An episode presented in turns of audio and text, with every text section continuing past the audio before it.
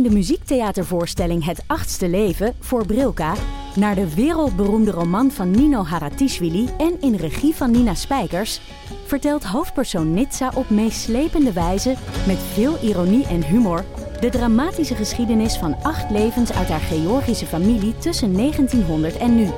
Een hartverscheurend en tegelijk troostrijk drama verteld vanuit het perspectief van vrouwen uit verschillende generaties. Waarbij het publiek meegenomen wordt op een emotionele, visuele en muzikale reis door de 20ste eeuw. Koop je tickets voor het achtste leven via oostpol.nl. Hallo, elke week presenteer ik, Kees van der Bos, de Groene Amsterdammer podcast. Het is een gesprek met een journalist die die week een spraakmakend artikel publiceert in De Groene. Waarom dit verhaal? Was het moeilijk om het te maken? Wat waren de uitdagingen? Wat brengt het ons? En wie is die journalist eigenlijk? Elke week een goed gesprek in de podcast van de Groene Amsterdammer.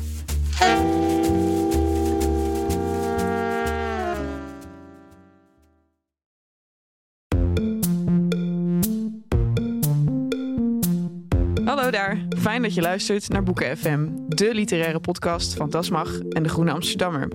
Wij nemen op in de studio van Dag en Nacht Media. Wil je nou nooit meer een aflevering van ons missen? Abonneer je dan nu in je eigen podcast-app en geef ons ook vooral een heleboel sterren en recensies. Dan zijn we ook zichtbaarder voor anderen die ons misschien willen luisteren.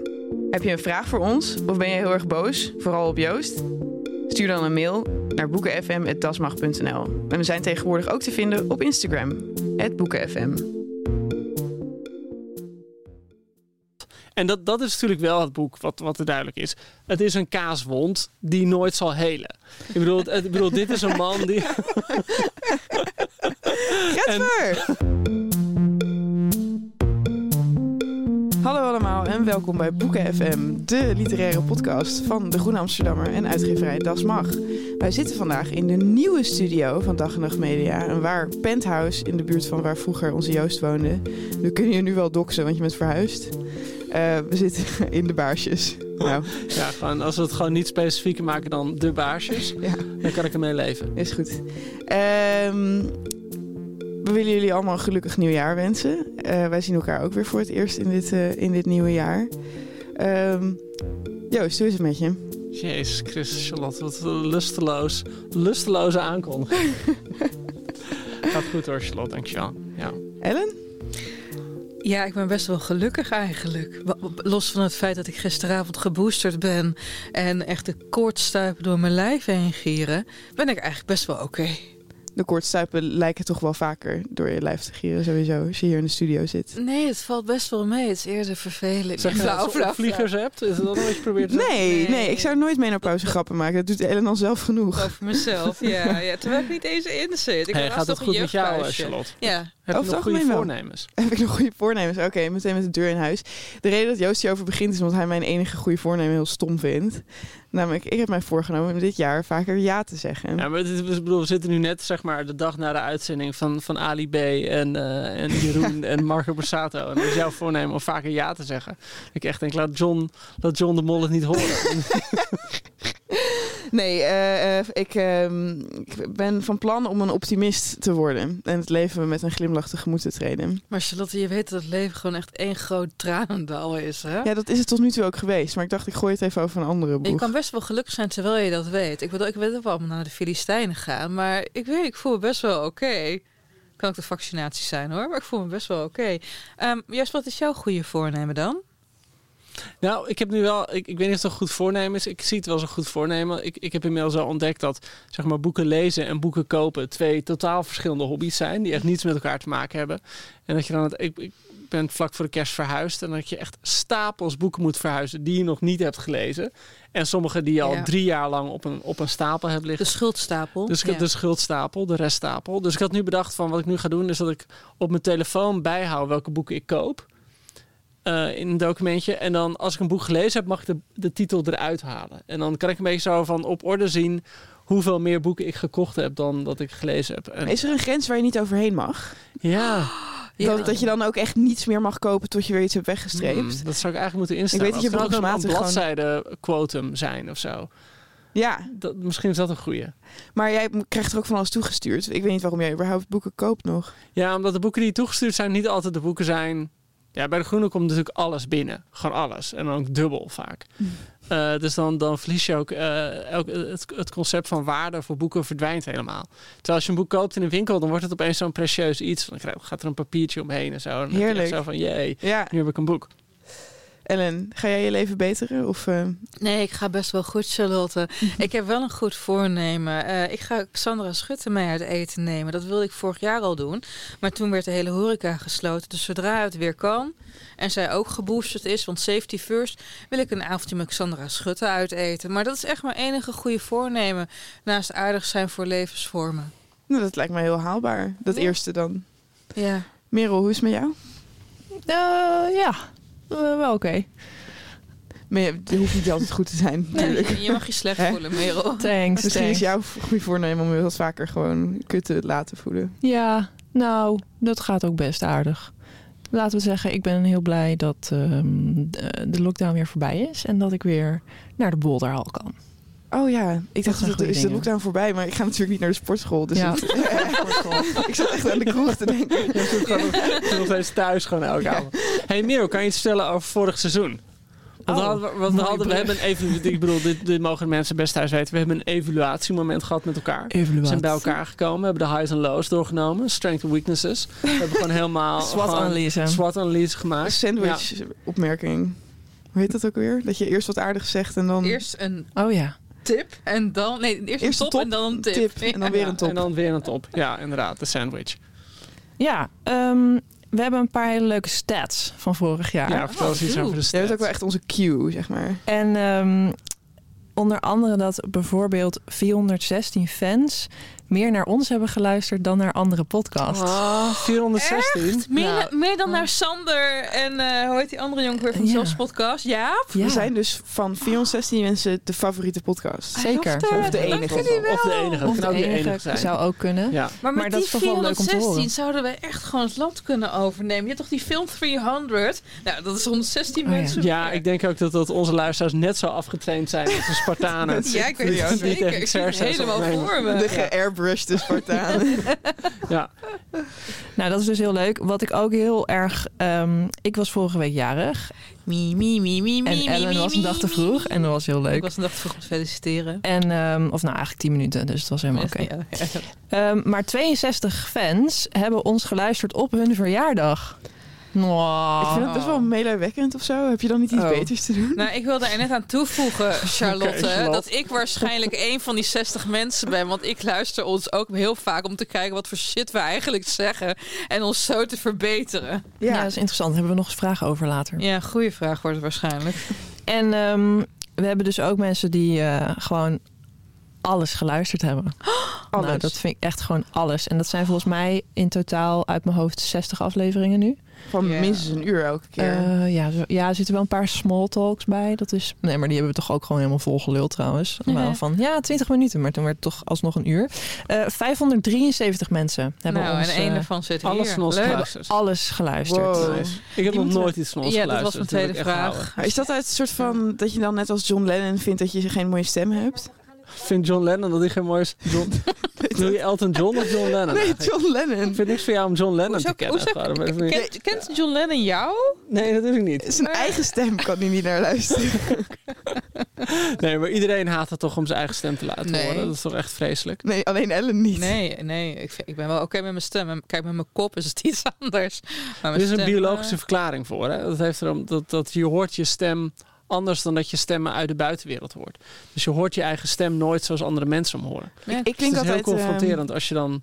nog bekakter eh, als ik mezelf terughoor dan als in... In mijn hoofd klink ik heel, zeg maar, nominaal Nederlands.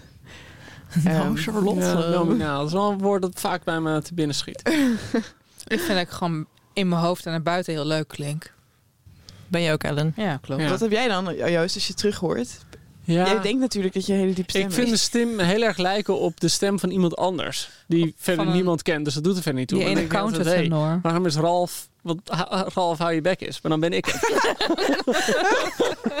ja, dat. Ik heb die jongen ook denk ik echt al twintig jaar niet gezien. En nog steeds denk ik tijd, ah, Ralf. Wat als hij een van die 500 luisteraars is? Ja, is hij niet. Nee, nee, dat, dat is hij denk ik niet. Ehm, was wel een van de dingen. We moesten ook nog. eh, ik moet nog een dubbele rectificatie doen. Want ik had in een van de afleveringen gezegd dat er 100.000 mensen aan aids waren overleden in Nederland. Dat is natuurlijk fout, want er zijn maar 100.000 mensen besmet. En van mijn broer moest ik ook een rectificatie maken. Dat ik had gezegd dat hij in zijn puberteit eh, niets anders deed dan masturberen en Wheel of Time lezen. Dat wilde hij graag gerectificeerd hebben. Hij heeft nooit Wheel of Time gelezen. Waardoor je denkt van dan had hij vast heel veel tijd voor andere dingen over. Dus Hugo, Bij Hugo de deze. Vries, die, Hugo de die in. Irak werkt voor de NAVO, VN. voor de VN. Eén pot nat, hè, Ellen? Ja, wat zo. hey, maar we hebben ook een boek voor deze week. Ah, Ja. even wachten, want ik heb nog, Oh, een, leuke, oh. nog een leuke quote. Eh, weten jullie nog dat we ehm, luisteraars aan elkaar hebben geprobeerd te koppelen? Ja. Omdat er mensen eh, benieuwd... Of, eh, die wilden, er waren mensen die dachten, ik wil graag nieuwe boekenvrienden. Een leesbuddy. Een leesbuddy. En die kan ik vast vinden via Boeken FM. Ja. En nu kreeg ik een berichtje van Arthur. Die zei: ehm, Ik wilde laten weten dat jullie glansrijk geslaagd zijn in eh, het helpen van de luisteraar aan boekenmaatjes. Want nadat een vriendin en ik samen hadden gereageerd op de oproep van deze hottie om met Joost te spreken, die hottie die was Madelon, Oh. ehm, hebben we dit jaar al talloze keren eindeloos over boeken, muziek en het leven gepraat. En is er een hele fijne vriendschap ontstaan die ik niet zou willen missen. Ah, Dank jullie wel daarvoor. En Wat ik kijk nu alweer uit naar jullie volgende aflevering. Het liefst van Arthur, ook namens Nicky en Madelon. Nou, als er nog Nou. meer mensen zijn die een boekenbuddy eh, willen, dan eh, mail gewoon. Hè? Arthur is dus al- met een heel lekker wijf alleen maar over het leven aan het praten. Ja, met twee hele lekkere wijven. Oh, Dat maar vind ik wel heel zonde om het daarbij te houden, toch? Ja, nou, Hallo. Arthur speelt de slow game. ma- nee, ma- ma- mag ik even Tolstoy citeren? Sinds wanneer is het walgelijke idee in zwang gekomen dat wanneer je een geestesverwantschap met iemand hebt, je er automatisch mee naar bed moet? Moet meteen weer smerig worden, Charlotte. Niet zo smerig, seks is heerlijk. is dat waarom je bij deze podcast zit, Charlotte? Ja. Is dit het? Ik, wil, ik probeer hier een Ja, machtpositie ja. te verwerven. Oh, Charlotte. Oh, Oké. Ali B. Ja. Charlie B. Jongens, dat kan echt niet. Ik weet dat Het ruikt hier een beetje ik raar. Het ruikt hier een beetje naar, eh, een beetje naar brie of zo. Of naar camembert. Ik- Er ruikt hier kazig Wat een ontzettend- Gruyère? Is het Kaas. Gruyère? Ja, Is het, is het Gruyère? Is het... Smeg maar, wat is dit? Dat, eh vandaag Nee, het is denk ik... het, eh, eh, is denk ik kaas van Willem Elschot dat je ruikt. oh ja, dat is wat ik uit mijn, in schoot heb hier. Ja, dat is inderdaad wat je op het schoten. Want we, moesten, we hadden het over, moeten we weer beginnen met een klassieker? We krijgen vaak vragen, doen jullie wel genoeg Vlamingen? Nou, dat doen we natuurlijk nooit. Ehm, en toen dachten we, goh, een van de boeken die we best wel vaak genoemd hebben door de jaren heen. Want we krijgen natuurlijk heel vaak vragen van jullie. Waarin jullie vragen van, weet u nog een heel zielig boek of een heel grappig boek? En bij de vraag, weet u nog een heel grappig boek? Heb ik volgens mij een aantal keer Kaas genoemd van Elschot. En ik kijk naast me. eh, jij hebt het volgens mij ook meerdere keren wel genoemd. Jij hebt het nooit genoemd? Nee. Jij hebt nou. gewoon kaas on the ik- mind. Ik ben er dus van over, maar dat zegt misschien meer over hoe ik in elkaar zit. Dat ik dus heel vaak mijn mening heb gegeven. En blijkbaar er toen vanuit ben gegaan dat dat iedereen's mening was. Ehm, Wat, wat leuk. En je bent een witte man. I like Een dit. witte man met een podcast. Ja, Oh, een man witte met een cisman met een podcast, ja. Ja. gek, ja. Ehm, maar blijkbaar heb ik jullie wel nu zover gekregen om een podcast te maken over kaas van Ja. Elschot. ja, en de grap is dus... Ik kende... Ik dacht dat ik wel eens wat van Elschot had gelezen. Dat was, ik, bleek niet zo te zijn. Ik heb alleen zijn poëzie gelezen. Ik was een kaasmaagd. Een Elschotmaagd. Had jij wel eens wat van hem gelezen, Charlotte? Ja, ik was wel erg. eh, eh, ik was echt helemaal weg van Villa de Roos, dat Mhm. eh, boek. Zijn debuut. Is dat Ja. zijn debuut? Oh, dat was echt fantastisch. En ehm, Wat trof je? Mijn moeder die heeft mij altijd eh, heel erg eh, geprobeerd Elschot op te dringen. En dit is het enige dat ik begreep was Villa de Roos. En wat, omdat het gewoon heel duidelijk soort van cast of characters was. Een soort van Wes Anderson film met gewoon twaalf hele rare mensen. Eh, dat kon ik een stuk beter begrijpen dan een klucht over de zakenwereld. Wat gewoon, gewoon niet bij mij binnen wilde komen de eerste keer dat ik kaas las. Maar ehm, toen heb ik het eh, voor deze aflevering nog een keer gelezen. En ik vond het echt geweldig. Dus, oh ja, ik moest van Joost ook een nieuw goed voornemen hebben wat de podcast betreft. Namelijk eh, lagere cijfers geven dan vorig seizoen. Ik kan nu alvast beloven dat ik dat niet ga doen. Oh, Charlotte. Spoiler, Charlotte. Spoiler, maar Dan, ga- dan gaan we eventjes terug naar Joost. Want hij was de aangever. Dus hij mag ook de samenvatter zijn. Voor de lezers die het nog nooit op hun lijst hebben gezet. Kaas, waar ga je over? Wanneer is het geschreven, Joost? Het is van 1933, dus voor de oorlog, eh, van Willem Elschot. In het echt heet hij Alfons de Ridder, reclameman in eh, België. En kaas... als je zo'n vette naam hebt, ga je jezelf Ja, ik vind eigenlijk noemen? Alfons de Ridder veel toffer klinken dan Elschot. Zo had jij jezelf moeten noemen. ja, ik had nou, mezelf graag Alfons de Ridder genoemd. Maar, dan Maar dacht hij iedereen, wilde, nee, maar hij wilde een afstand. Wat ik ervan begreep, hij wilde een afstand. Kijk, eh, lieve luisteraar, deze Alfons de Rest zat in het dagelijks leven in de reclamebusiness. Hij wilde volgens mij een afstand scheppen tussen zijn literaire en zijn eh, commerciële ik. En het is wel heel leuk, voordat je even je inleiding afrondt. Die Willem Elschot, dat heeft ook weer ehm, twee banden met zijn persoonlijk leven. Willem, omdat hij helemaal gek was van den Vos Reinaarden. En die is, zoals wij weten, geschreven door Willem die Madokke maakte. En Elschot, omdat hij als kind heel graag bij het landgoed of bij het bosrijke plekje Helschot wandelde. Nou, Goh, leuk. dat is een Joost. mooie naamverklaring. En ehm, ik weet niet of je hem helemaal als een alter ego moet zien. Het is in ieder geval een personage dat in meer boeken van Elschot terugkomt. Hij heeft Laarmans bedacht. Hoofdpersoon Laarmans. Laarmans is klerk bij de General Marine and Shipbuilding Company. En dat klinkt interessanter dan het werkelijk is. Want hij is gewoon een klerk en hij is saai. En hij beseft ook terdege hoe saai zijn bestaan als klerk is. En als Kaas begint, we hebben het dus over een boek van 100 bladzijden. eh, is zijn moeder net overleden. Dat kreeg je uitgelegd mee. Dus misschien dat hij daardoor een beetje uit het lood is. Het is niet iemand die heel veel aan zelfreflectie doet. En hij komt bij een man eh, te dineren. Eh, dat is een bekende van zijn broer. Hij heeft een oudere broer, die is net iets chiquer. En die mensen met wie hij gaat dineren zijn ook weer zo iets chiquer. En dan opeens denkt hij, goh, wat, die mensen zijn wel heel veel hoger in aanzien dan ik. En via via, eigenlijk op een soort van en passante manier, krijgt hij een enorme voorraad kaas aangeboden. en hij wordt aan hem gevraagd of hij dan, krijgt hij 300 gulden per maand voor. Eh, plus commissie als hij die kaas aan de man gaat brengen in Nederland, België en het Groot Hertogdom Luxemburg. En dat vindt hij toch wel heel fijn dat het Groot Hertogdom Luxemburg Maar erbij zit. Je, je vergeet eigenlijk iets. Hij krijgt niet zomaar die portie kaas aangeboden. Hij maakt deel uit opeens van een soort sigarenclub met allemaal rijke mannen. En hij heeft het idee dat zijn vriend die hem bij die club heeft gehaald zich een beetje geneert haast. Of wil dat hij ook een man van naam en statuur wordt. Want dat ben je immers niet wanneer je een klerk bent. Dat hij daarom hem dat baantje aanbiedt. Ja, en dus hij gaat graag op dat baantje aan en dan gaat hij naar huis. En dan zegt hij, thuisgekomen ging ik heel gewoon aan tafel zitten. Soupeerde zonder een woord over de nieuwe mogelijkheden die zich voor mij openden. En moest innerlijk lachen toen ik zag hoe mijn vrouw met haar gewone zuinigheid de boter smeerde en het brood sneed. Nu ja, zij kon niet vermoeden dat zij morgen misschien de vrouw van een koopman zou zijn. Kortom, deze Lamans vindt het echt geweldig dat hij nu koopman is. En is volgens eigenlijk het grootste gedeelte van het boek bezig met eh, briefpapier uitzoeken en zijn kantoor inrichten. En eh, te bedenken hoe die gaat bellen en waar hij dan gaat bellen. En komt dan langzaam maar zeker erachter dat hij ook daadwerkelijk die kaas aan de man moet gaan brengen. En hij lust niet eens kaas. En dat is een van de gekste dingen. Dat op een gegeven moment vraagt iemand, proeft de kaas? En zegt hij, nee, ik hou niet van kaas. en volgens eigenlijk... eh, ehm, ja, ik weet niet helemaal of je het nou zijn ondergang moet noemen. Maar het is een man die zichzelf gewoon heel erg in de problemen werkt. Met die kaas. En daaruit moet zien te komen. Van de kaas af zien te komen. Ja, terwijl hij wel een veiligheidspal heeft. Want hij neemt dan eventjes een pauze van zijn werk als klerk. Bij, onder het motto dat hij gevoelige zenuwen heeft. Ja, Eh, krijgt niet doorbetaald. Zijn broer is arts en die wil wel even zo'n ziektebriefje voor hem schrijven. En ondertussen komen die mensen van zijn werk ook langs. Met een soort, wat backgammonbord was het jongens? Ja, ja, Triktrakbord? ja, ja, was Ja? een Ja, triktrakbord. dat is goed voor je geest, hè, weet je wel. Terwijl zij geen idee hebben dat hij zelf dan pas een burn-out aan het krijgen is van die hele kaasindustrie. En toen ik dit boek las, bekroop mij, weet je, het idee van, nou, oké, haha, dit gaat een beetje over het belachelijk maken van de zakenwereld en hoe het vooral meer schone schijn is dan daadwerkelijk iets van een ambacht.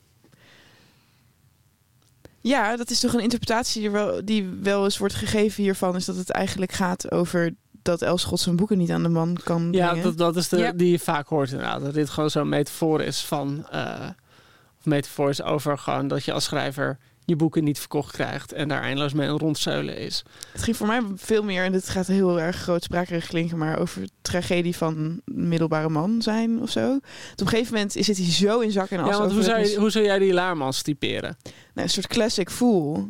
Eh, op een gegeven moment denk je namelijk van... het gaat hem lukken om per ongeluk heel erg geslaagd te worden hierin. Want hij wordt door een samenloop van omstandigheden... wordt hij ineens ook de aanvoerder van de Vereniging van Ja, Kaashandelaren. president, Ja. ja, voorzitter Ja. van de Vereniging Terwijl van hij het niet wil, buiten zijn wil gekozen. En dan wordt- raakt hij zo oververhit en zenuwachtig in een vergadering... waarin ze eh, om een soort van belastings lagere belastingheffing moeten gaan vragen. Dat hij ineens iets roept waardoor ze dat ook echt voor elkaar krijgen. Dus ik dacht, oh, het gaat over failing upwards. Het gaat hem allemaal lukken, je weet wel.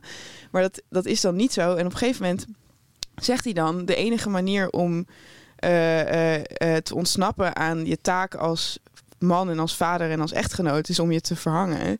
Eh, eh, terwijl, zeg maar, een gewone baan kun je gewoon verlaten natuurlijk. Dus toen dacht ik, oh, hier gaat het over de grote verantwoordelijkheid die hij voelt voor zijn gezin. Terwijl het aan de oppervlakte eigenlijk heel, vooral alleen maar heel grappig is. Want zijn kinderen ondermijnen hem en zijn broer ondermijnt Ja, hij, hem. kan, hij kan bijvoorbeeld steeds niet bellen, omdat zijn kinderen aan het bellen zijn. Ja. En de enige, laten we niet vergeten dat de enige ton kaas die ooit verkocht wordt, wordt door, zijn zoon. 16-jarige Ja, zoon zijn verkocht. 16-jarige zoon verkoopt die aan, aan wie ook weer de leraar of zo. Ja, zoiets. weet ik niet. Maar hij Ja. kan heel aardig Engels spreken en hij regelt het allemaal gewoon eh namens Ja, aan een vader van een vriendje, toch? Ja, de Ja. vader van een vriendje inderdaad, ja. Ja, ja. Maar eh, dus even samengevat, jij zag het meer als een metafoor. Nee, niet als een metafoor, maar ik vond hem gewoon eh, wat minder eh, een lachwekkend figuur, soort van de tweede keer dat ik het las. Want een tragische midlife man. Zo zag ja, het ja, gewoon zo. het is veel meer veel psychologischer dan ik dacht of zo. Ook omdat het eindigt Ja, natuurlijk met het dat is hij. Ja, sorry, dat hij naar het graf van zijn moeder gaat en dat hij eigenlijk haar troost mist. Dat het begint namelijk met, ja, het begint heel uitgebreid, of uitgebreid, redelijk Met de uitgebreid. dood met twee van de moeder, hoofdstukken ja. over de dood en de begrafenis van zijn moeder. Ja, maar daar is hij nogal blasé over. Hij weet zichzelf geen houding te geven. Hij huilt niet zoals zijn zussen erom huilen. En dan aan het einde, na dit hele kaasincident, staat hij bij het graf van zijn moeder. En dan bedenkt hij zo van, als zij nu nog had geleefd, weet je wel, dan had ze me gewoon getroost voor dit alles. Weet je wel. Dan had ze gewoon... Ja, maar zo, zo, zo, zo las ik toch ook wel heel erg. Want het is gewoon zo'n man van middelbare leeftijd. En zijn moeder overlijdt. Wat natuurlijk altijd gewoon zo'n moment is als je wees wordt. En in plaats dat hij eh, coach bij The Voice wordt, op een andere manier zijn midlife crisis eh, verwerkt, kiest hij ervoor om, hij, denkt, hij gooit het roer om, hij wil opeens nog status verwerven. En hij gaat iets doen waar hij op geen Ali enkele- B dat maar gedaan. Of Marco Borsato inderdaad. Gewoon aan de Danish Blue. Nee, en inderdaad, hij komt dus bij die kaas uit. En het pijnlijk is natuurlijk dat je meteen aan alles merkt dat dit een man is die op geen enkele manier geschikt is om zelfstandiger te zijn. Nee. En absoluut niet de motivatie heeft en de durf heeft om kaas aan de man te gaan brengen. Er zit bijvoorbeeld één scène in, heb ik heel, heb ik heel erg om gelachen. Dat hij dan ehm, bij een winkel langs gaat waar ze kaas verkopen. En dan gaat hij daar voor de deur staan. En dan ziet hij vier vrouwelijke verkoopsters. Nou, dat, hij durft gewoon niet naar binnen te gaan. Hij moet er eerst moed in Hij moet, ja, gaat hij eerst naar een café, gaat hij daar Pale ales drinken. ja, ale drinken. En gaat hij daarna terug om nog eens die kaas te verkopen. Aan een Eh, man die echt goed is in kaas verkopen. Dat was zo schrijnend. Hij komt dan zeg maar de kaasboer tegen, daar achter in het achterkamertje. En die heeft niet eens een net pak aan, maar hij heeft het wel heel druk. Terwijl Laarmans gewoon al de hele tijd aan het doen is alsof hij werkt Ja. eigenlijk. Dat was Nee, en die, en die, die kaasboer praat ook met hem terwijl hij aan het bellen is met iemand anders. ja. En regelt eventjes een korting voor zichzelf. En weet eigenlijk al precies wie die is en wat hij komt doen. Maar Ja. ik vind het wel grappig dat je er zo op ingaat dat het boek eindigt en begint met die dood van die moeder. Dus met andere woorden, deze Laarmans uit zijn falen als koopman spreekt ook een beetje een soort op hoger niveau het je ontheemd weten van de beschermende hand van een ouder. Ja, of, of meer het gevoel van zo'n moment. Je wordt, het is, zo'n moment in je leven dat je wees wordt. Dat je ouders allebei zijn overleden. En dat hij dat dat toch een soort van midlife crisis wakker maakt op een moment. En dat hij denkt van ik moet een stap vooruit doen. Of ik moet, ik moet nu een grote jongen zijn. Zoiets. Hij, en hij heeft ook, zich dus helemaal vertild aan wat hij wil doen. hij wordt ook bemoederd door zijn vrouw natuurlijk. En door zijn broer, En door zijn broer. Door zijn broer en inmiddels ook door zijn zoon. door iedereen. Iedereen. Ook door zijn kinderen. doen heel Ja. pedant tegen Ja. hem. Ja. Ehm, Ja, want, want maar dat, dat is trouwens een thema in het werk van Elschot. Hè? Ik bedoel, eh, la- laten we een heel klein uitstapje maken over wat hij nog meer in zijn literaire werk over het gezinsleven heeft geschreven. Kijk, ik kende hem voornamelijk als dichter. En van hem is natuurlijk het eh, bijzonder beroemde gedicht Het Huwelijk eh, afkomstig. Zal ik het zo even voorlezen? Want dan heb je een beetje een voor. idee van hoe de gezinssfeer in het Elschottiaanse universum wordt geschetst, het huwelijk. Toen hij bespeurde hoe de nevel van de tijd in de ogen van zijn vrouw de vonken uitkwam doven, haar wangen had verweerd, haar voorhoofd had doorkloven, toen wendde hij zich af en vrat zich op van spijt. Hij vloekte en ging tekeer en trok zich bij de baard en mat haar met de blik, maar kon niet meer begeren. Hij zag de grootste zonde in duivelsplicht verkeren en hoe zij tot hem opkeek als een stervend paard. Maar sterven deed zij niet. Al zoog zijn helse mond het merg uit haar gebeente, dat haar toch bleef dragen. Ze dorst niet spreken meer, niet vragen of niet klagen en rilde waar zij stond, maar leefde en bleef gezond. Hij dacht, ik sla haar dood en steek het huis in brand. Ik moet de schimmel van mijn stramme voeten wassen en rennen door het vuur en door het water plassen tot bij een ander lief in enig ander land. Maar doodslaan deed hij niet, want tussen droom en daad staan wetten in de weg en praktische bezwaren en ook weemoedigheid die niemand kan verklaren en die des avonds komt wanneer men slapen gaat. Zo gingen jaren heen. De kinderen werden groot en zagen dat de man, dien zij hun vader heten, bewegingsloos en zwijgend bij het vuur gezeten, een godvergeten en vervaarlijke aanblik bood. Super gezellig dit. Het is ehm, een type vader, het type gezin dat vaker voorkomt in het werk van Elschot. Ik moet er wel bij zeggen, hij schreef dit gedicht toen hij 28 jaar was. 28? Ja, ja, ja. Maar daar moet ik ook bij dat zeggen. 20 jaar huwelijk aan vooraf ging. Nee. Nou, ja, daar moet ik bij zeggen. Hij was 18 toen hij zijn toekomstige echtgenote Fine i- zwanger maakte. Dat was een oepskindje. En Ah. hij was pas zeven jaar later rijk genoeg om haar te kunnen trouwen. Dus hij is heel vroeg aan het leven eh, begonnen. Het huwelijk gaat waarschijnlijk over een oom aan moederszijde die het niet zo nauw nam, die ook zo'n verborgen agressie in zich had. We kennen ze allemaal wel, de mensen, niet alleen mannen, maar ook vrouwen, wiens woede over de door het gezinsleven gesmoorde kansen voor de rest van hun leven gewoon als een rode waas over hun gezichtsveld heen ligt. En ehm, als je verderop in zijn oeuvre kijkt, dan lees je ook bijvoorbeeld dit eh, aan het begin van Het Dwaallicht, wat mij betreft misschien wel zijn mooiste roman. Dat begint hiermee. Een ellendige novemberavond met een motregen die de dapperste van de straat veegt. En mijn stamkroeg ligt helaas te ver in het westen om op te tornen tegen dat kille gordijn. Voor het eerst sedert lang, want de jaren vlieden, zal ik ditmaal naar huis gaan, waar mijn ontijdige intrede beschouwd zal worden als een stap op de weg die tot inkeer leidt. Alle begin is moeilijk en beter laat dan nooit, zou mijn vrouw zeggen. Maar eerst nog een krant voor vanavond bij het vuur, want als ik niet lees, werkt mijn zwijgen verkillend op mijn huisgenoten. Het is constant in zijn boeken het gezin dat vervreemd is van de vader en vice versa. Hoe je in een huis gewoon netjes langs elkaar heen leeft. En ook in een zekere zin in competitie met elkaar verkeert. En elkaar eigenlijk constant de genade gunt van het niet weggaan. Maar dan niet de vreugde gunt van het een leuke huisgenoot zijn. Maar het is niet, het huwelijk van de Laarmans is beter Ja. dan dat. Want hij, Veel beter. Ja. Ik bedoel, aan de ene kant klopt het wel. Je hebt dat, hè, hij gaat natuurlijk dan zijn kantoor inrichten. Daar is hij eindeloos mee bezig. En dat kantoor komt dan in een soort gek kamertje... waar dan eigenlijk ook iedereen met het wasgoed doorheen loopt. En la- langs moet voor de badkamer. En langs moet voor de badkamer, inderdaad. Dus, dus aan de ene kant klopt het wel dat langs elkaar heen leven zit er heel erg in. Aan de andere kant, hoe die met zijn vrouw omgaat, heeft wel iets heel liefs en gemoedelijks. nou, hij heeft toch wel eerbied voor haar taak als, eh, als moeder en als, als Ja, maar hij is huishoudster. ook denigerend. Weet je, zij is te simpel hiervoor, et cetera. En hij heeft ook zo'n heel verhaal over hoe hij er graag dan wil pesten. Zodat ze Ja, dat ze tranen in gaat de ogen huilen. heeft. Dat hij Ja. net zo lang doorgaat. Maar aan de andere kant weet je dat ze dan in bed liggen. En dan heeft hij zo'n hele verhandeling erover dat het bed de beste plek is om met elkaar te praten. Want eh, de lakens dempen de stemmen. En dat dat het eigenlijk het enige moment is waarop je echt eerlijk tegen elkaar kan zijn in het donker.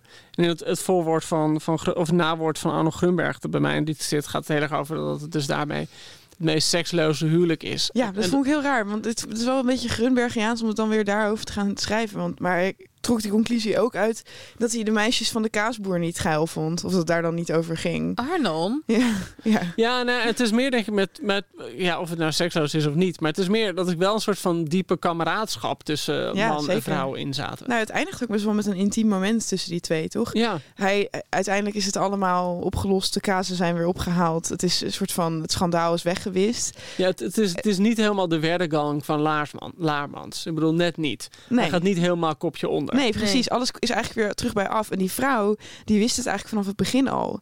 Die blijft maar hem soort van de realiteit in Nee, maar, terug. maar d- dat bedoel ik ook. Van, hij doet dan wel, hij doet pedant over die vrouw. Maar aan de andere kant als lezer weet je de hele tijd... ja, die vrouw is, is de enige die zich niks wijs maakt. Ja. Die hem gewoon snapt en gewoon ziet wat voor vlees ze hem in de kuip hebt. En Ja. voor een tegenbalans eh, eigenlijk zorgt. Voor zijn gekke plannen. En zij zorgt er eigenlijk voor dat de boel stabiel blijft. Mhm. Eh Elschots eh, daadwerkelijke vrouw, Fine, die hij dus in 1901 bezwangerde toen ze allebei tieners waren.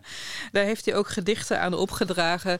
En gedichten die ook een beetje doen denken aan de toon die hij over moeders aanslaat in zijn werk. Namelijk, ja, ik was echt een lastpak, een superkut, maar ik heb wel van jullie gehouden.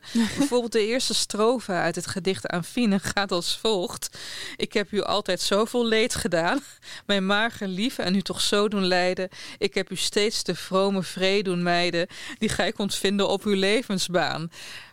Kort vertaald. Ja, ik was een lul, maar ik heb een gedicht over geschreven. En nu is het weer goed. hey, jongens, terug, ehm, terug naar Kaas. Hè? Het is een tragicomisch verhaal. Ik denk dat we het wel met elkaar eens kunnen Ja. zijn. Of is Ja. het toch meer comedie dan Het is voor mij meer tragedie? komisch dan tragedisch op andere manier. Charlotte? Ja, dat had ik dus. Ik vond het de eerste keer alleen grappig en nu Ja? vind ik het ineens heel tragisch. Ehm, maar het is voor, voor, qua taal vooral heel grappig. Want wat hij deed, het doet is een soort kaasneologisme erin verwerken. Van dit, begint, dit is het begin van de kaasroman. En het kaasdrama ontvouwt Hij heeft zich. zo beleid kaasdroom, kaasfilm, kaasonderneming, kaasdag, kaascampagne, kaasmijn, kaaswereld, kaasschip, kaashandel, kaasvak, kaasroman, kaaseters, kaasmens. Heb je nou Uiteindelijk- opgeschreven? Nee, nee, Nee, ze nee, staan staat in voorin. Heel gek bij, e- heel pom- pompeus elementen. Is. kaasbeproeving, kaaswond. En dat, dat is natuurlijk wel het boek wat, wat er duidelijk is. Het is een kaaswond die nooit zal helen. Ik bedoel, het, ik bedoel dit is een man die... Getver! het is gewoon... Ik bedoel, het, het is niet zomaar een, een, een en passante episode in het leven van Lamans. Dit is gewoon... Het zal hem tekenen. Dit zal hem tekenen. Dit is gewoon de kaas heeft hem gebroken. Ja. Terwijl eigenlijk zoiets, dat vind ik zo zielig. hè. Hij wil zoiets banaals als kaas gebruiken om hoger op te komen, om een klasse omhoog te schuiven. Ja, maar ook dat hij dan die naam gaat. Weet jullie dat? nog? Dat is hij- heel grappig. dat- Ja. Hij moet een naam verzinnen voor zijn vestiging. Hij kan niet zo goed tegen het woord kaas. Dus hij Nee, hij wil echt van, het woord kaas. Dan gaan we het in het Frans doen. Dus dan noemt hij zichzelf een soort van eh, importeur de fromage of zo. En dan zegt, denkt hij toch van nee, nee, er is een beter woord. Want ik ben niet echt een importeur. Ik ben een handelaar. Daar hebben de eh, Engelsen zo'n mooi woord voor. Trading. En dan komt hij erop en dan bedenkt hij, wat is het ook? Gafpa. Ja, de General Antwerp eh. Food Product Association. Eh, en dan gaat hij al helemaal zo'n fantasie, bijna Kees de Jonge, van dat het woord gaspa, gafpa zo'n gevleugelde term gaat worden dat mensen het in plaats van kaas zullen gaan Ja. gebruiken. Zoals je ook zeg maar merknamen zoals Philadelphia gebruikt. Eh, was hij echt zo van, oh ja, en dan zeggen mensen tegen elkaar van, oh ik heb geluncht met een stukje gafpa. Ja, maar op een gegeven moment heeft hij ook zo'n gesprek met iemand. Dan, dan, dan is hij weer bij die wat chicere vrienden eh, van, zijn buur, van zijn buren. En ehm, die zeggen zo van, oh ja, nou, dan deelt hij dan kaas uit. Nou, eigenlijk zitten die mensen daar niet echt op te wachten dat die kaas deelt. En dan zeggen ze van, oh nee, maar kaas, maar geef me wat van je andere eh, accessoires. heb Geef je ook maar- haring? Heb je ook haring en heb je ook wat andere dingen? Dan zegt hij, nee, nee, ik heb alleen kaas. Zegt die man, ha, ha, ha, doe niet zo gek. Natuurlijk heb je niet alleen kaas. en dan doet hij echt zo, ja, nee, daar kan ik nu nog niks over zeggen.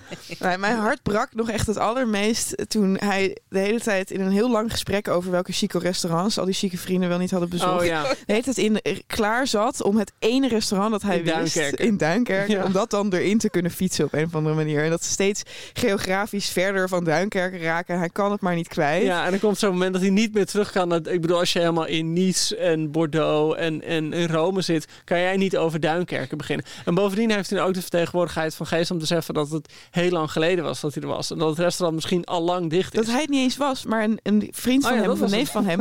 Dan fietst hij het er toch in.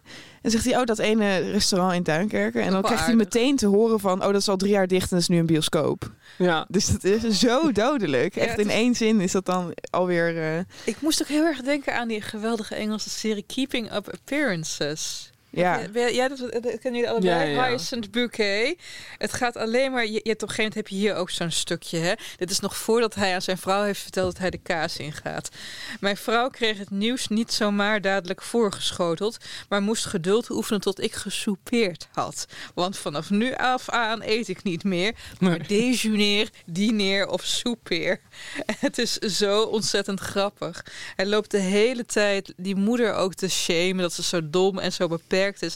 En dan krijgt hij het contract waaronder hij dus die kaas gaat verhandelen. En dan ontdekt zij meteen een clausule erin die helemaal hem niet Oh, echt goed uitkomt. En dan zegt hij hierover het volgende. Als ik haar, dat wil zeggen zijn echtgenoten, zo bezig zie... nu eens in de keuken, dan weer boven of in de kelder zeulend met wasgoed en emmers... dan vind ik het verstommend dat zo'n eenvoudig mens... zo gauw achter die vervelende clausule in mijn contract gekomen is. Ja, maar heb je ook in, in de, diezelfde, in diezelfde scène eh, gaat het dan over dat eh, zijn contract kan beëindigd worden eh, door zijn initiatief of het initiatief van anderen. En dat ze het woord initiatief eigenlijk niet, niet snappen. En dat dan dat zoontje Jan moet komen uitleggen wat initiatief doen. nemen betekent. Ja, ja, ja. Wat ook gevoelig ligt, want eh Elschat zelf begon aanvankelijk op het ateneum. Maar die bleef telkens zitten omdat zijn Frans zo belabberd was dat hij gewoon van school is geschopt. Maar hij schrijft de hele tijd in het Frans. Niet Ja, hierin, maar, maar, dat, in... is uit, dat is later ontstaan toen hij in Brussel aan het werk ging veel in het Frans moest schrijven. Maar hij was echt heel erg. Kijk, je had in België in der tijd echt die taalstrijd. Ja, natuurlijk. En hij vond het belachelijk als Vlamingen Frans spraken. Hij heeft ook zelf vijf jaar, als ik me niet vergis, vijf jaar in Nederland gewoond, in Rotterdam. En daar dus een heel ander Nederlands leren spreken en ook leren schrijven. Dat zie je ook aan zijn werk. Ja, Dan de Vlamingen. Als je het dat vergelijkt. voelt absoluut eh, niet heel Vlaams vergeleken nee, met... ik was Nee. het echt even vergeten als je tot het hij dan vergelijkt met Hugo Antwerpen- Claus, maar Ja, ook met ja, ja. tijdgenoot, eh, eh, althans iets jonger dan hij, protégé. Iemand zei daarover dat hij daar een harde vriendschap mee, had. Louis Paul Boon, ja, dat, dat Ja. zit vol Vlaamismen eh, natuurlijk. maar goed, hey jongens, in ons vorige gesprek, kijk, ik heb heel braaf gewoon het verzameld werk hier op mijn schoot liggen, maar jullie hebben die prachtige editie van Atheneum in, eh nou ja, het omslag kan niet toepasselijker, helemaal kaasgeel. Jullie vonden dat er iets raars mee was. Nou, er zit echt een, echt een absurde inleiding voor dit boek. van Wat zo- Arnie. Wat zo, nee, nee, dat is de. Ik neem aan dat jij deze inleiding ook hebt hoor, want die is gewoon Ja. van eh Elschot zelf. Want eh, eh, Arnon heeft alleen het nawoord geschreven, meneer de heer Grunberg bedoel ik. Ehm, Mooi hersteld. ehm, nee, voor Kaas Ja. zelf, wat verder een heel rechtlijnig Het is een werk soort is, poëtica, is het? Of heeft zo? hij een uitleg over ehm, stijl, Ja, je hebt het ook. over Oh ja. taal en stijl. Ja. En Ja. het is echt een heel vreemd stukje tekst. eh, dat vrij abstract uitlegt wat het verschil is tussen stijl en inhoud. Door het te vergelijken met een blauw, strakke blauwe hemel... waar zich langzaam onder begeleiding van gonggeluiden... dichte wolken in pakken. Joost, begreep jij dit? Nee, het, het, het, het- wat het gekke is, is dat het boek een, een hele droge komedie is. En dit voorwoord super pretentieus overkomt op een gekke manier. Ja, ik dacht ook niet dat het van hem was. Nee, ik, ik, kon ook, ik, kon het, ik kon het ook niet serieus nemen op een bepaalde manier. Nee, ik kan me gewoon niet voorstellen dat je kaas schrijft Ja, en en, dat- dan dit. Of, of dat kaas omgekeerd uit deze poëtica voortkomt. Ja, maar, maar, maar, maar we hebben dit antwoord net eigenlijk al gegeven, Charlotte. Oh. Want jij zei net, vind het gaat ook over het verkopen van boeken. Dat zou kunnen. Dan vind ik dit een hele slimme manier, door allemaal chic gebrabbel, de status van wat je aanbiedt meteen te verhogen. Waardoor je automatisch geneigd zou zijn om het helemaal tot je te nemen en te consumeren. Omdat daarmee ook het eigen symbolische kapitaal stijgt. Het is zo raar waar hij de nadruk op legt. Want ik vind kaas is een soort van heel dicht begrapt. En het, is, het heeft heel erg plot, zeg maar. En hij zegt van stijl is eigenlijk hoger dan inhoud. Want hij schrijft op een gegeven moment over eh, de Erlkönig van Schubert. En dat het echt alleen om de muziek gaat. En eigenlijk alleen maar verstoord wordt door Goethe's tekst eh, die daarbij geschreven is. Wat ik echt schitterend vond. Het was het eerste gedicht dat ik in het Duits las ongeveer. Eh, en dat gaat over een vader met een ziek kind. En hij zegt zo van... Schubert is zuiver stijl. Of zo. En dit had ik allemaal begrepen als ik hierna een hele andere tekst had gelezen. Namelijk eentje die heel erg op stijl ging en niet op Ja, ja, ja. inhoud of zo. En het is dat het bombari is om het wat er daarna komt bijvoorbeeld te verheffen. Ja, want je hebt ook, kijk, je- eh, want je hebt, dat moet je erbij zeggen. Je hebt die inleiding, dan krijg je de personages. Die worden heel uitgebreid neergezet. Als bij toneel. Eh, ja, maar niet alleen als bij toneel, maar alsof het een of andere grote familieroman is. En dat is het niet, want er zijn gewoon maar een paar personages. Daarna krijg je de elementen. Dus dan krijg je die eindeloze opsomming van kaasdingen. En dan wordt ook nog een keer alle plekken worden, worden eh, of alle, eigenlijk alle, de triktasdoos, een mandvalies, de grote kaaswinkel, een kerkhof. Ik bedoel, hij koppelt die, al die dingen aan elkaar, terwijl ja, ze allemaal en passant voorbij komen. Ik bedoel, je zou dat eerder bij Harry Mulisch verwachten, Ah, weet ja, je wel, dan ja. bij, eh, bij Elschot. Ja, dan maar dus is het misschien inderdaad wat Ellen dan zei... dat het bijna een soort commentaar is op literaire hoogdravendheid of En zo. misschien is ik kan. En misschien ook een zelfverdediging. Kijk, wat, wat ik dus weet uit het leven van Elschot. Hij heeft kaas altijd beschouwd als zijn meest perfecte werk. Ben ik niet met hem eens. Maar hij vond het zijn hoogtepunt. Terwijl van zijn collega heeft hij ook best wel om zijn oren gekregen over kaas. Oh zo? Wat niet goed genoeg was. Niet goed op welk vlak? Niet literair genoeg. Voor wat het is, is het... Ja, het is een soort lange mop, maar... Oeh, interessant. Want ja, is dat zo? Vind je het louter een lange mop? Het heeft wel een soort klassieke mislukking erin. Je die- zou het kunnen verfilmen met, en wie zou dan de hoofd, met André van Duin in de hoofd. Ja, ja, ik had Oh. Nee, dat bedoel ik niet. maar op André van Duin die ook in Hendrik Groen grappig was en daarna ontroerde. Die André Nee, ja, van Duin goed, je. maar, nee, maar ik bedoel, het is bij wijze van spreken, Lamans heeft echt een enorm tragische kant. Het is echt wel een gelaagd personage. Al is het maar omdat je als lezer zo'n verschil voelt tussen hoe hij de wereld ziet en hoe de wereld moet zijn. Maar het is bij wijze van spreken ook een man met een gek hoedje op. Weet je wel, die zijn hoofd stoot en over een bananenschil Ja, uit. kunnen we hem door Chris Nietveld laten spelen? Ja, ik bedoel, precies. dat, dat- die categorie is het. hey, maar mag ik een ander bruggetje? Ik, ik weet niet, ik, ik moet altijd meer al angstvallig in de gaten houden. Jongens, Ja. er zijn ook vragen. Nou, Het zoals niet. Het zal eens niet. Kijk, om ehm 11 uur 9 vanochtend kreeg ik een mail van Walter. En de, eh, het onderwerp was Godverdorie. Toen dacht ik, oh jee, nu zullen we het krijgen. Mm. we hebben we iets verkeerd gedaan. Eh, maar de eerste zin was, Godverdorie, ze zijn op. Ik heb in één maand tijd al jullie vijf seizoenen gebinged.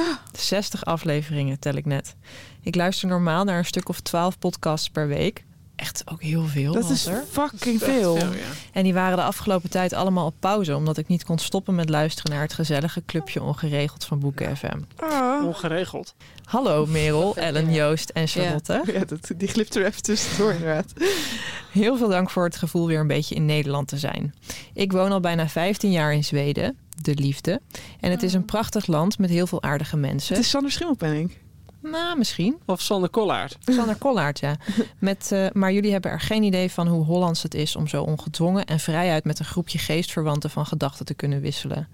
Wat? Dat doet iedereen toch overal? Nou ja, nee, niet in Zweden in elk geval. Niet op deze manier. De nationale ziel hier is er een van reserve, sociale ongemakkelijkheid en de angst om iets verkeers te zeggen.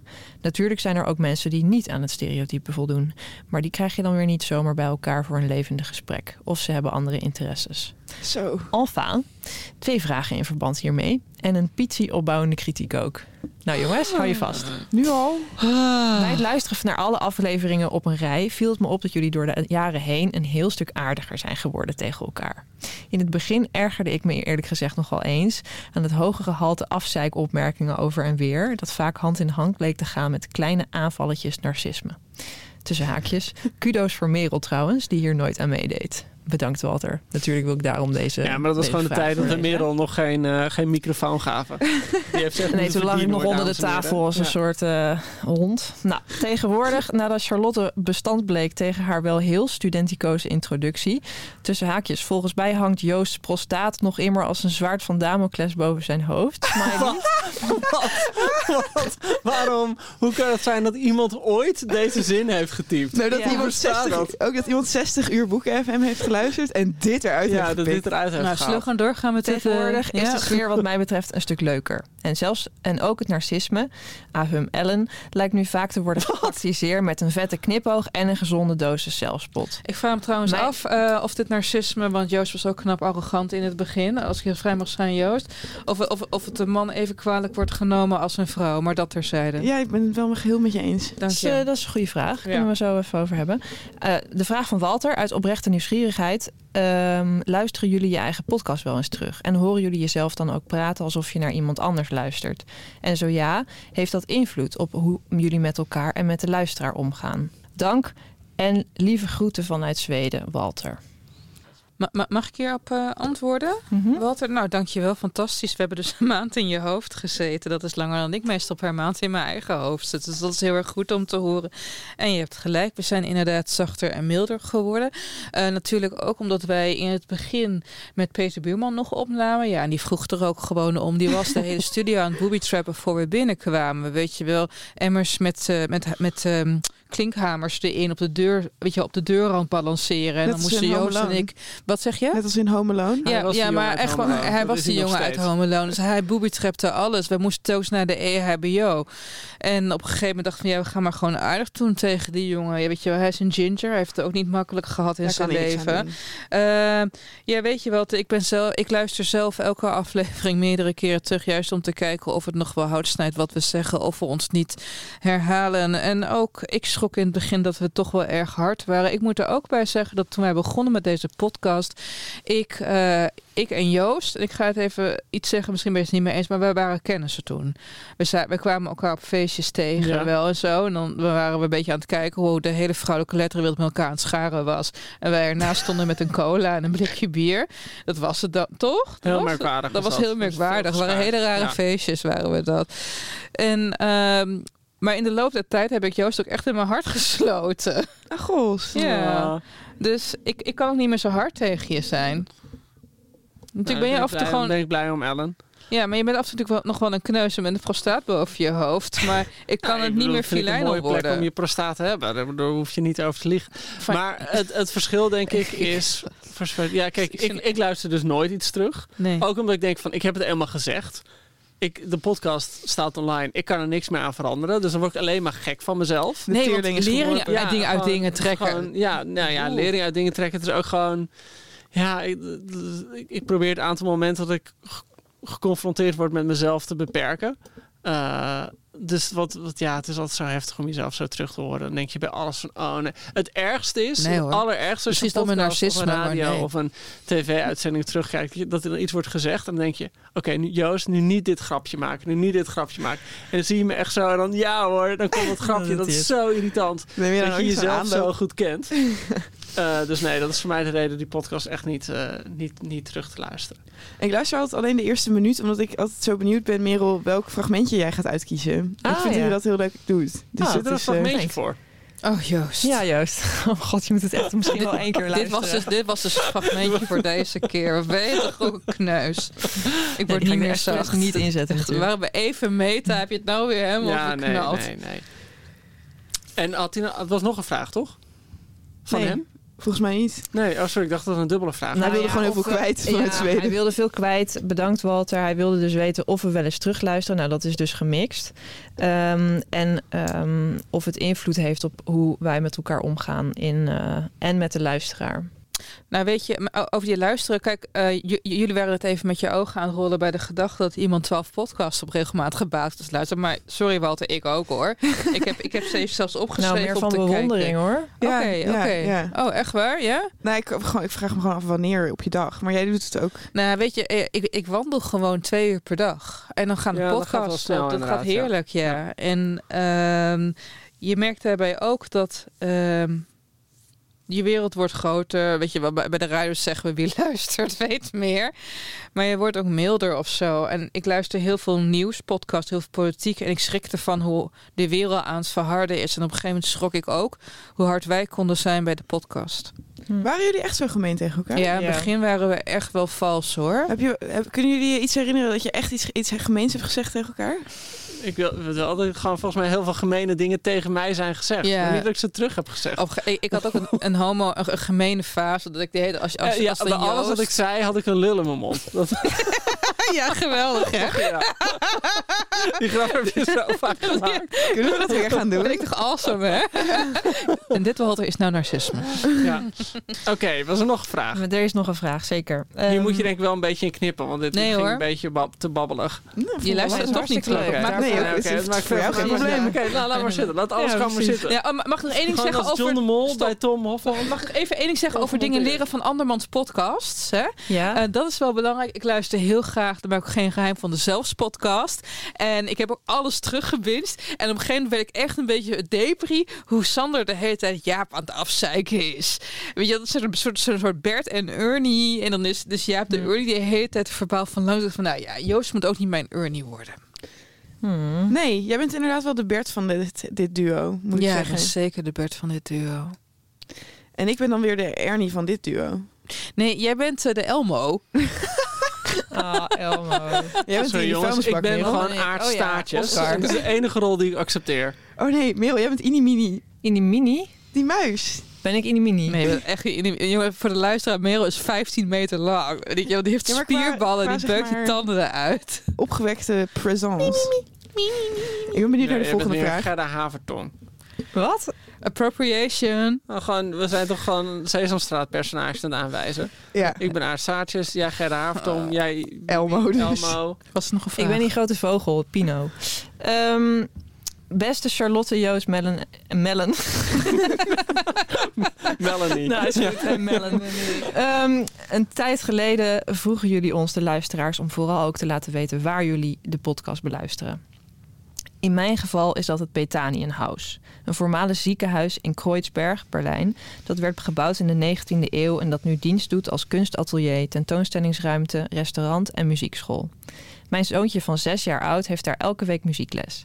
Wat mij de kans geeft om een klein uur lang ongestoord naar een kerstverse aflevering van Boek FM te luisteren.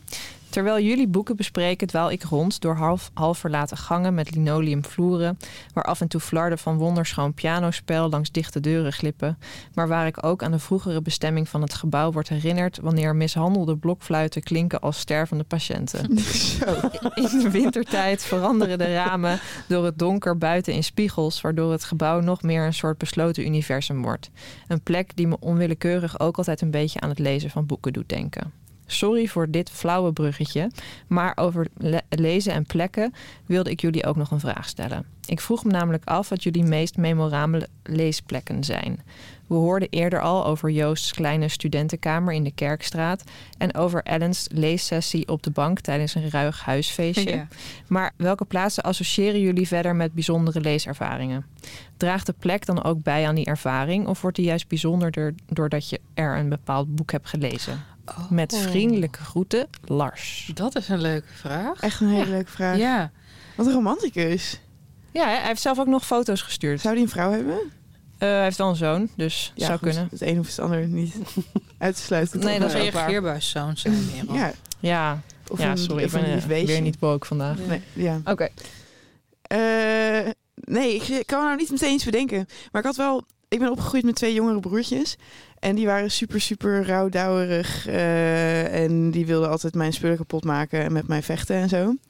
Dus ik droomde altijd van een plek waar ik kon lezen... die echt hermetisch afgesloten zou A zijn. room of one's own. Eh, ja, eigenlijk wel. En, maar de fantasie die kwam toen niet heel veel verder dan dat ik een kamer wilde met een hoogslaper.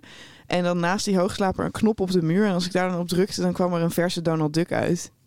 Mm. Dat was mijn grootste fantasie. Ik heb daar een heleboel tekeningen van gemaakt. En dat was echt... Als ik dan later heel rijk was, dan had ik een heel team dat tien Donald Ducks voor mij per dag maakte, zeg maar. Dit was voordat ik echte boeken ging lezen. Dus, eh, dus dat is mijn Room of One's Own. Het is er nooit van gekomen. Mm. Ik heb heel veel gelezen in Noorderplantsoen in Groningen toen ik daar studeerde. Dan was ik een vaste boom waar ik graag ging zitten. Nou, bam, stapel boeken erbij. En lekker lezen voor zover het weer dat toeliet. Dat was je boek natuurlijk meteen papier-maché. En eh, ik lees heel graag onderweg in de tram, in de trein. Ja, dat is fijn inderdaad. Zalig. Joost? Ja, ik zit nu, ik moet dan niet weer over de Kerkstraat beginnen, maar ik weet nog wel echt dat ik op kamer zat naast zo'n gaskachel en had ik een hele lelijke soort van pisgele sprei die ik gewoon een keer voor 2 euro gekocht had in de opruiming. En dan was het daar was het altijd een beetje dan koud en dan deed ik die zo om me heen. Dus op, zat ik op een poang, zo'n stoel van de Ikea. Dat weet ik nog heel goed. Dat ik daar dan eindeloos en dat ik echt tot drie uur s'nachts zat te lezen, weet je wel, want was, je hoeft er toch niet vroeg op te staan. Uh, ik ging altijd naar hetzelfde hotel in Londen. En dat is nu gesloten door corona. Godverdomme, is het failliet gegaan. En daar hadden ze zo'n heel fijn bad. En toen heb ik dus ontdekt daar in dat hotel dat ik heel goed in bad kan zitten lezen. Dat ik daar, dus ik heb daar eindeloos elke keer, want ik ga altijd een paar keer per jaar naar Londen. Zit ik daar dan de hele tijd in bad te lezen. Dus daar heb ik hele goede herinneringen aan. En jij laat dan dat niet het boek in bad vallen? Nee, laat ik niet het boek in bad vallen, nee. Uh, ik weet ook nog bijvoorbeeld... Uh, dat ik, mijn vader was toen ziek en toen moest ik daar veel blijven slapen. En, en dat was niet het huis waar ik ben opgegroeid. En er stond zo'n heel klein eenpersoonsbed, waar om een of andere reden een deken op lag die niet breed genoeg was voor het eenpersoonsbed. Oh, dus echt een soort van, van strook. en daar wikkelde ik me dan in en dat ik daar toen eindeloos uh, het rood en het zwart heb gelezen.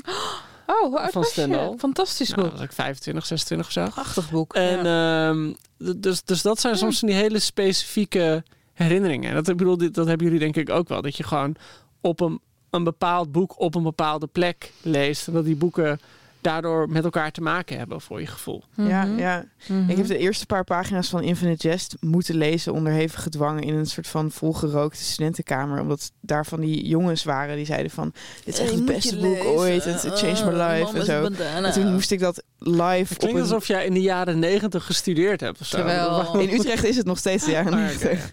Ja, jij bent hier al daar al een tijdje weg. Ja, ja. En toen moest ik zeg maar live de eerste vijf pagina's gewoon op in een zitzak gaan zitten lezen van Infinite Jest. Ik kan nou niet zeggen dat het me heel erg gegrepen heeft. Ik heb later nog wel uitgelezen, maar ik was er niet kapot van toen. Hm. Merel, jij? Heb jij bepaalde plekken en boeken? Ja, ik heb uh, um, als kind echt heel veel. Dat was mijn allerfavorietste plek om een boek te lezen. Dat was naast de uh, hele oude Scandinavische houtkachel. Zo'n hele hoge oh. in de boerderij. En uh, toen was volgens mij verder ook nog... Wat? Toevallig? Een spekkachel? Nee, nee. Okay, dat is een bepaald, een bepaald soort kachel. Houtkachel. Ja, dat is een houtkachel. Niet spekje. Nee, dat, dat is... Ik, weet het merk Ja, ik weet niet. Dat is gewoon zoiets waar mijn moeder altijd de hele dag mee bezig is. Oh ja. Met een spekkachel. Oh, Sheila. Sheila. nou, anyways. Maar die had dan, heeft dan ook zo'n um, plaat eromheen. Zo'n soort van stalen plaat om te voorkomen dat er uh, vonkjes en zo uit, uit eh, de kachel komen. En dan op het, als je er hout op legt. En dan lag de kat altijd zo op die plaat. Zo, oh. Omdat het zo helemaal lekker warm was. En dan lag ik erbij onder, uh, onder een dekentje met een kussentje. Oh, wat leuk. Wat heerlijk. Het was echt de beste leesplek ooit. Oh, dat zijn zulke fijne plekken. Ja. Oh, wat goed. Nou goed, dank voor jullie vragen, lieve mensen. Schroom ook niet om in te zenden. Uh, Doe dat naar um, boekfm.dasmag.nl kaas, jongens. We hebben wel het een en ander daarover gezegd. Mag ik alvast een beetje vooruitlopen op mijn eindoordeel en daarbij iets meer zeggen over het werk? Ja, want ik wilde je net vragen, jij blij met het been ook gelezen? Nou, de grap is dus, uh, ik was een, uh, in die zin wat ik aan het begin van deze aflevering al zei, een Elschotmaagd. Uh, op de gedichten na. En ik was kaas aan het lezen en misschien waren de verwachtingen te hoog gespannen. ik vond er dus echt geen klap aan. En uh, ik, ik, ik, ik, bel, ik, mijn vader oh. belde. Ja, ja. En uh, ik was een beetje aan het ja, dat kutkaas. Het is zo formuleachtig, weet je. En, en dit is anachronistisch hoor. Ik denk dat het misschien zijn tijd ver Ik vond er geen zak aan. En zei, ja, maar je moet ook niet kaas lezen. Je moet lijn met been lezen. Ik zei, nou, dat zullen we nog wel zien. En even achtergrondinfo voor, voor, jullie, voor jullie luisteraars. Ik heb echt een beetje een leesburn-out gehad. Ik heb gewoon, ik heb volgens mij 150 boeken gelezen in 2021. Daar ben je even klaar mee. En ik begon aan lijn met been en ik kon gewoon niet ophouden. Dat was een page turn. Heb je het gelezen, Lijn met ja, ja, Ik vond het magistraal. En ik dacht ook bij mezelf, godverdomme Joost, waarom hebben wij dit, dit kaasboek gedaan? Nou, ik heb, ik heb het, het gekke, maar dat is zo ja, super subjectief. Lijm met been, ik, ik snap, ik kan het ook niet helemaal uitleggen. Maar lijm met been wordt, werd me ooit door iemand getipt. En die persoon vond ik heel irritant. Het was gewoon iemand die ik, ik weet niet eens meer hoe die heette. Een, man, een hoogleraar, volgens mij een bioloog die ik moest interviewen. Het was een Vlaming. Toen werkte ik nog voor het studentenblad. Dirk Nu al bloedirritant. Ja, en, en die zei, en die, maar ik vond hem heel irritant en arrogant. En die ging toen een heel verhaal tegen mij over lijn met been. En toen ging ik toch het maar lezen. Maar toen las ik dus alleen maar met het idee van... ah, deze motherfucker vindt dit een goed boek. Dus ik heb toen lijn met been o- ooit gehate read, zeg maar. Oh ja, ja, ja nee, dat gaat terwijl nooit meer over Ik heb het dus eh, voor deze podcast teruggepakt uit de kast en doorheen gebladerd en ook nog het een en ander gelezen. Het, volgens mij is het een prachtige dubbelvertelling. Als je ziet waar ik bedoel, dit, Het, is, echt, ik, ik- het- maar het begint veel menselijker. Ook Frans Laarmans uit Kaas zitten weer, maar veel jonger. Nog helemaal geen idee wat hij met zijn bestaan aan moet. Het is. Het, het, het, het gaat eigenlijk over vrouwen. Kijk, dit- dit, gaat, lijkt het been gaat over iemand die in dienst wordt genomen bij een man die graag mensen of bedrijven, beter gezegd, lijmt. Waarmee hij bedoelt hij artikeltjes over die bedrijven schrijft, ja, die in een tijdschrift opneemt en het, vervolgens het wereldtijdschrift. het wereldtijdschrift. En vervolgens dwingt, of eigenlijk ze eigenlijk geen andere keuze geeft dan 100.000 exemplaren van het tijdschrift af te nemen. En dat is hun verdienmodel. En dat, dat is zo slim beschreven. E- bijna even slim zoals afgelopen seizoen Mystiek Lichaam. Waarop op een gegeven moment Kendonk gaat vertellen hoe die kunsthandelaar in New York eigenlijk Oh ja. short gaat op de kunstwerken van eh, jonge drugsverslaafde schilders. Ik vond het heel intelligent en ik vond het ook menselijk Ja, omdat het gaat over het bedonderen van anderen, eh, van bedrijven. En wat gebeurt als je spijt krijgt. ja, ze bedonderen een oudere vrouw. Ja. En daar krijgen ze eigenlijk spijt Ja. van. En dan willen ze het, het bedrog ongedaan maken. Maar die vrouw houdt de poot stijf Ja. dan. Wat ook, ze heeft een houten been, wat dus vrij ja, ook makkelijk gaat. Het lijm en been. het been. Het been. Oh. Maar ehm, ik, ik dacht van ja, maar dit is wel echt fantastisch. Toen ging ik in de Nederlandse kanon kijken. En daar was dus het Dwaallicht opgenomen. Ik denk, nou, dan lees ik dat er ook maar meteen achteraan. En daar was ik ook helemaal blown away door. Hebben jullie het Dwaallicht gelezen, jongens? Nee, die heb ik dus niet gelezen. Frans Laarmans op straat komt drie moslims tegen uit Afghanistan. Het is zo actueel. En die zijn op zoek naar een zekere Maria van Dam. Dat was een chick die die ochtend, zijn matrozen trouwens, bij hen op de boot was. Ze heeft nog wat dingen van hen die ze zou oplappen. Die moeten ze teruggaan. Ze heeft de adres achtergelaten. En zo begint een nachtelijke tocht door Antwerpen op zoek naar deze Maria van Dam. En het is mythisch. Het gaat tegelijkertijd nergens over. Er komt een hele discussie over het verschil tussen de islam, het christendom en het socialisme. Het is weergaloos. Eh, en daarna was ik natuurlijk nog mil- minder mild gestemd. Ik wilde Milner zeggen, om natuurlijk in het kaasthema te blijven. Maar, maar nog milder ges- minder mild gestemd over kaas. Dus, dus oké, maar daarom hebben we dus kaas gekozen en niet lijmen het been. Ja, gewoon door die ene bioloog die ik geïnterviewd Ja. heb. Toen Nou, en omdat hij 19 het dus zelf zijn beste werk vond, toch? Ja, nou ja, dat, dat wist Joost niet, want die keek net heel... Toch? Je wist niet dat, dat het Elschots favoriete werk van Elschot was. Nee, ik wist was? niet dat, dat Oh, dit per se de Elschots uh, Monolitha was. Nee. Maar goed, het is, het is, eh, en van jou kunnen we welk cijfer ontvangen? Nou, je, je, je, je, je, je, je- je kan... Jij ontvangt hem niet, hè, Elschot? Elschot. ontvangt hem. Nee, ja, Elschot en ik. Eh, Er zit hard er, kaas. Ik doe, ik doe al een beetje hard, weet je wel, maar er zit kaas en er zit, er zit een hart in. het is heel sterk geschreven. Ehm, even kijken, vergeleken. Het is ook zo, kijk, je gaat ook vergelijken met andere Vlaamse boeken uit die tijd. En ik weet niet of jullie wat van hem gelezen hebben, maar nog steeds, tot ik Lijm het been en dwaallicht las, stond Louis Paul Boon met vooral menuet voor mij op echt eenzame hoogte. Ehm, daar doet kaas geen afbreuk aan, maar lijmen het been en het dwaallicht wel. Dus eh, kort samengevat, ik geef een 7 voor kaas. En ik geef een 10 voor het dwaallicht en lijmen het been. Oké. Ik heb nu wel echt oprecht het gevoel dat ik gewoon lijm met been een tweede kans moet geven. En Ja. me eventjes over mijn, eh, mijn agressie, die inmiddels 20 jaar oud is of zo. eh, Ja. Elschot heeft echt adepten hè? en echt discipelen. Dus ik denk dat ik gewoon dat mijn huis, dat mijn adres zo meteen gedoxt wordt. En mensen met fakkels, weet je, Elschot fans. ja, eh, volgens mij is er heel veel opnieuw van hem uitgegeven. Ja, Fik van der Vlaam. Rijt is hard ja, Fik van der. Rijt heeft mij helemaal in die biografie slaan. Nou, geschreven die ook. biografie geschreven. Maar Ja. goed, goed, luister Fik, mocht je dit horen. Kaas was gewoon zeg maar niet mijn ding. Ik lust geen kaas. De rest wel. Je bent een carnivore. Verzameld werk is vorig jaar eh, opnieuw weer uitgegeven. Ja. Cijfer? Cijfer, ja, eh, voor mij, ik, moet- ik moet zeggen, ik, ik heb hier een aantal keer naar teruggegrepen in de podcast, omdat ik het me gewoon puur herinnerde als een grappig boek. als een soort eh, ja, een beetje wat jij zei, een soort van hele lange sketch. Eh, die, ja. waarde, die waarde vond ik het nog steeds absoluut hebben. Hoewel ik eigenlijk ook merkte dat ik het nu de tweede keer las, dat ik het veel pijnlijker vond, het boek. Ja, dat had ik dus ook. En dat ik ook wel echt dacht, oh, die arme Laarmans. Wat een oh, dat arme gezin. Eh, dus eigenlijk las ik het nu met meer... eh, eerst las ik het als grap en nu las ik het met meer gevoel. Ja. En dus ja, ik kom op een 8 uit. Ik denk dat ik volgende aflevering ga beginnen aan mijn goede voornemen. Dus ik het nu gewoon een 9 ga geven. Ik vond het echt fantastisch. Ik heb zo hard gelachen.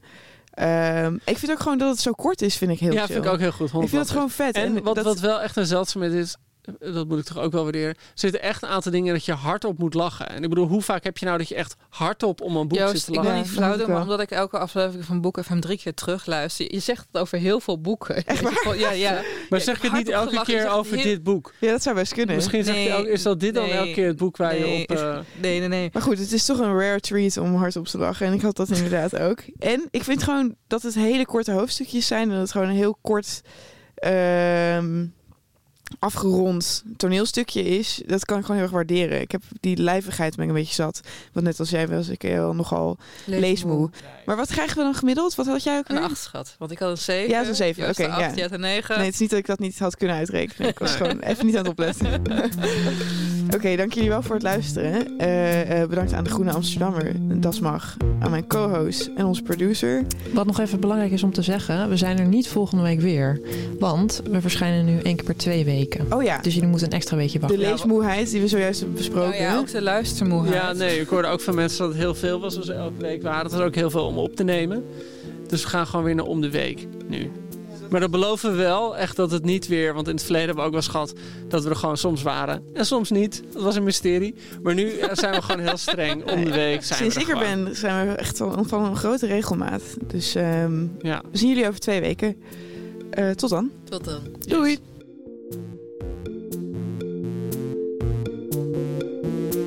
Nog even over die grootse en epische muziektheatervoorstelling. Het achtste leven voor Brilka is een marathonvoorstelling van 5 uur. Koop je tickets voor deze bijzondere theateravond via oostpol.nl.